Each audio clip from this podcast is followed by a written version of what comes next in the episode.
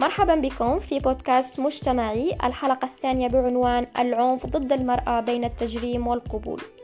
أولا نستقل آلة الزمن وأعود بكم إلى زمن العصور الوسطى والعصر الجاهلي أين كان ينظر للمرأة فقط لتدبير العمل المنزلي أو الحفاظ على النوع البشري بل البعض ينظر لها كسلعة تباع وتشترى. وقبل الإسلام وعند الرومان يعتبرون المرأة متاعا يملكه الرجل وسلعة له الحق في التصرف فيها كما يشتهي ويريد ويملك من أمرها كل شيء حتى حق الحياة. فلو كنت تمشي في شوارع لندن في العصور الوسطى كنت تجد المرأة ترتدي لجاما لأن صوتها وجهها عورة. نعم لجاما. وقبل أن يذهب زوجها إلى العمل يلبسها حزام العفة. حزام العفة هذا هو أشبه بحفاضة الطفل اليوم لكنه من حديد. ويغلقه بمفتاح ويأخذ المفتاح معه خشية أن تخونه في غيابه. لكن تتساءلون لا نرى عنفا واضحا في تلبيس المرأة لجاما أو حزام عفة. نعم لأنه اعتدنا مع الأسف أن نعرف العنف ونحصره فقط في الإيذاء الجسدي كالضرب التشويه القتل ولا نهتم لأشكال العنف الأخرى التي هي مثلا كالعنف النفسي. ففي تلبيس المرأة لجاما وحزام عفة هي امتهان وانتقاص من قيمة المرأة وكرامتها فتمثل العنف تمثل العنف النفسي. وفي الجاهلية العربية تعددت كذلك أشكال العنف وتنوعت من وأد الفتاة إلى أخذ مهرها من طرف أبيها وهذا ما يمثل العنف الاقتصادي الذي سوف نتطرق له لاحقا وعدم توريثها. بل المضحك في الأمر أنه المرأة آنذاك كانت تعتبر جزءا من الميراث. فلما مثلا يتوفى الرجل أباه يرث المال ويرث معه زوجة أبيه كجزء من الميراث. عصفورين بحجر واحد. وفي حديث لعدم توريث المرأة آنذاك هي أنه أتت امرأة سعد بن الربيع بابنتيها من سعد إلى رسول الله فقالت يا رسول الله هاتان بنتا سعد بن الربيع قتل أبوهما معك يوم أحد شهيد وإن عمهما أخذ مالهما فلم يترك لهما شيئا. هنا نزلت آية الميراث. وكذلك في الجاهلية كانت المرأة يقامر عليها زوجها وتذهب من زوجها إلى رجل آخر بعد خسارته بالمقامرة. فحمدا لله أن الإسلام أتى ونسخ ما أقرته الجاهلية من ضلالات ومعتقدات باطلة وأضاء بنوره على الظلام الذي كان يسود حياة النساء آنذاك. فحرم وأد الفتيات لقوله تعالى وإذ بشر أحدهم بالأنثى ظل وجهه مسودا وهو كظيم يتوارى من القوم من سوء ما بشر به أيمسكه على هون أم يدسه في التراب؟ ألا ساء ما يحكمون. وفي آية أخرى وإذا الموءودة سئلت بأي ذنب قتلت. لأنهم كانوا يتحججون بالفقر يدفنون بناتهم وهن أحياء خشية الفقر. فكان رد الله سبحانه وتعالى ولا تقتلوا أولادكم خشية إملاق نحن نرزقهم وإياكم إن قتلهم كان خطأ كبيرا. صدق الله العظيم. فمع كل التشريعات الإسلامية السمحة ضد تعنيف المرأة وتحريم امتهان كرامتها وجعلها إنسان فاعل في المجتمع بضمان آه، العديد من الحقوق عدنا إلى الصفر عدنا من حيث بدأنا. فالعنف اليوم لا يختلف عن الماضي أبدا. العنف واحد بل تعددت أساليبه وأشكاله. فاليوم سوف نتطرق إلى أشكال العنف التي تمارس في حق المرأة والعقوبات التي نصتها الدول الأوروبية والعربية وكيف كان تعامل المجتمع معه. سوف نبدأ بأول عنف يمارس في حق المرأة وهو الاغتصاب.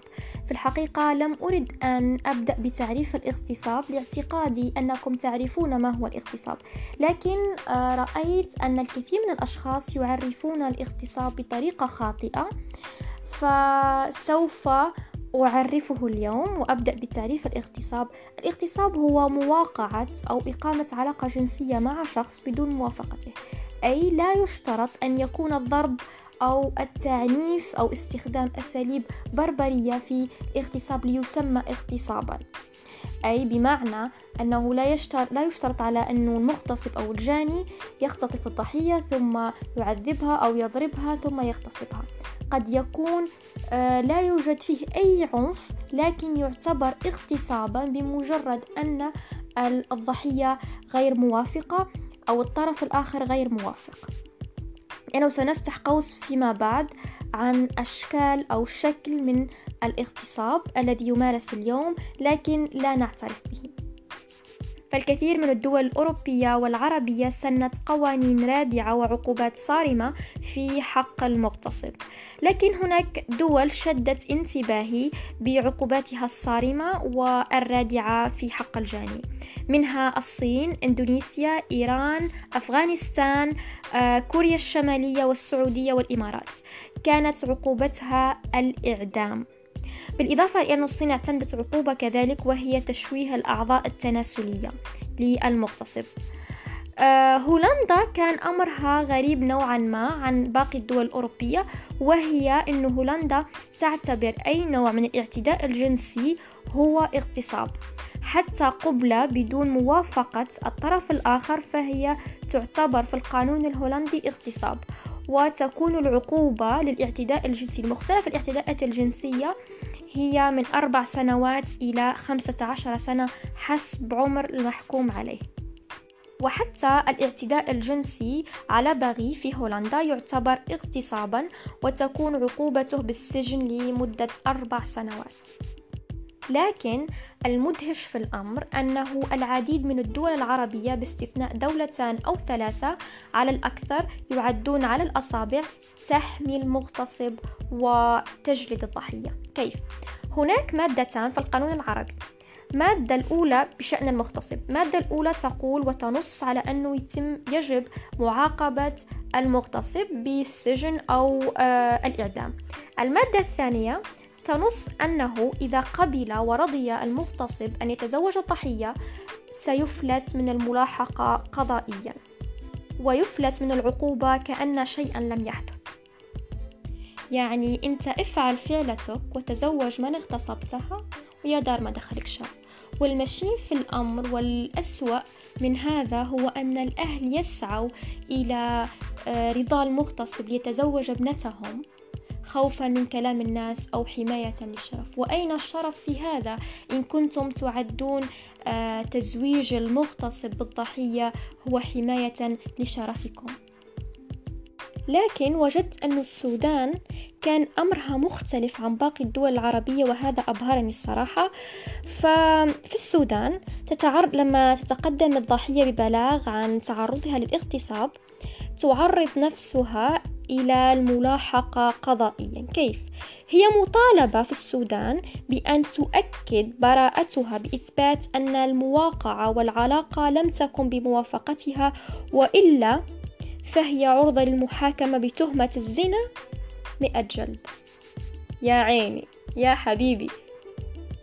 يعني كنا في شيء وأصبحنا في شيء آخر تماما. كنت قد عرفت لكم الاغتصاب في البداية لأني سوف أتحدث عن آه، نوع من الاغتصاب وهو الاغتصاب الزوجي الذي يتم تجريمه في العديد من دول العالم لكن ما زال خارج نطاق القانون الجنائي في الدول العربية لأنه ليس مقبول اجتماعيا ليتم قبوله آه، قانونيا. والاغتصاب الزوجي هو ممارسة الزوج علاقة جنسية مع شريكه بدون موافقته ورضاه. ولو هي في نطاق الزواج ولو هي في نطاق الزواج لكن بمجرد عدم رضا أحد الطرفين وموافقته فتعتبر اغتصابا. لكن كثير ما نجد من يستدل بأحاديث نبوية لتبرير الاغتصاب.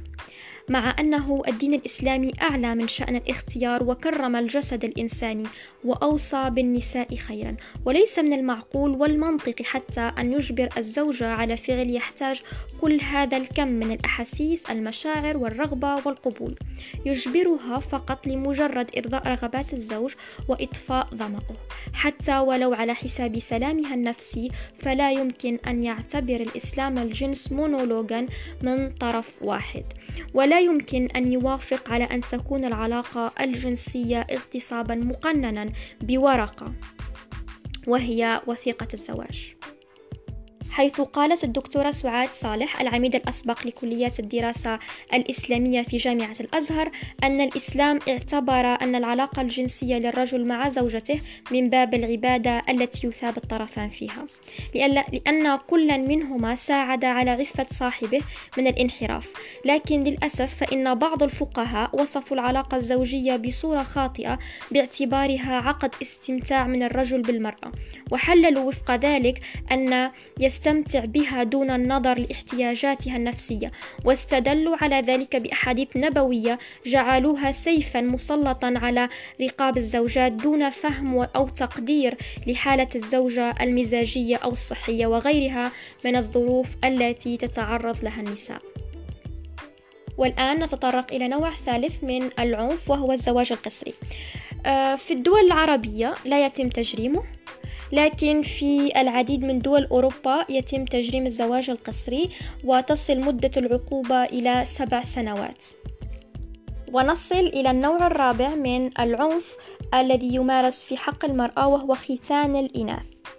يشتهر كثيرا في الدول الإفريقية ودول بعض الدول الشرق الأوسط خاصة مصر والسودان. مصر أقرت عقوبات وسنت عقوبات رادعة بالسجن آه، من خمس سنوات إلى سبع سنوات السودان ثلاث سنوات. ما هو ختان الإناث؟ أين يتم تشويه الأعضاء التناسلية للأنثى؟ خوفا من قيامها بعلاقة خارج الزواج بعلاقة جنسية خارج الزواج بالمختصر الحفاظ على العذرية. وصدمت حين وجدت أن هناك أنواع لختان الإناث. فهناك من يقطع جزء من البذر هناك من يقطع كامل البذر هناك من يقطع جزءا من الشفتين هناك من يقطعهم كليا. فهم يتفننون في ختان الأنثى وتعذيبها وتعنيفها. والنوع الخامس هو العنف الاقتصادي هو أن يمنع الرجل المرأة من العمل لكسب المال وتحقيق استقلاليتها المادية أو يجبرها على العمل وأخذ أجرتها بدون موافقتها. كذلك الحرمان من الميراث يعد من العنف الاقتصادي أو آه، أخذ المهر مثلا ويعاقب عليه القانون. والنوع السادس هو التمييز الجنسي أو ما يعرف بالسكسيزم وهو يبدأ من الأسرة إلى المجتمع ليصل حتى إلى القوانين. فمثلا لتطبق عقوبة الزنا على الرجل يجب أن تثبت آه، يثبت الزنا في داخل بيت الزوجية لكن بالنسبة للمرأة يجب قد تثبت التهمة داخل أو خارج بيت الزوجية. لنصل إلى نوع آخر من العنف وهو الضرب والشتم. الضرب يعد من النوع الجسدي العنف الجسدي والشتم من النوع العنف اللفظي. كذلك يجرم عليه القانون من سنة إلى ثلاث سنوات أو حتى يصل إلى خمس سنوات في آه، كلا الدول العربية أو الدول الأوروبية. ونصل إلى آخر نوع من العنف وهو التحرش الجنسي. تدينه كل من الدول الأوروبية والعربية. أمريكا مثلا بالسجن زائد غرامة. التشيك واندونيسيا وبولندا وروسيا وكوريا الجنوبية آه، تطبق عقوبة الإخصاء الكيميائي. وباقي الدول بالسجن أو آه، الغرامة. وفي كثير من الأحيان لا تطبق قوانين التحرش بل يتم تبريرها من طرف المجتمع بلباس المرأة بعري المرأة بعدم احترام المرأة لنفسها. فمع الأسف أحيانا تضع الدولة القوانين لكن لا تطبقها. وفي أحيان كثيرة تضع الدولة قوانين وتحمي المواطن لكن المواطن لا يحمي نفسه ولا يحمي نفسه من جهله.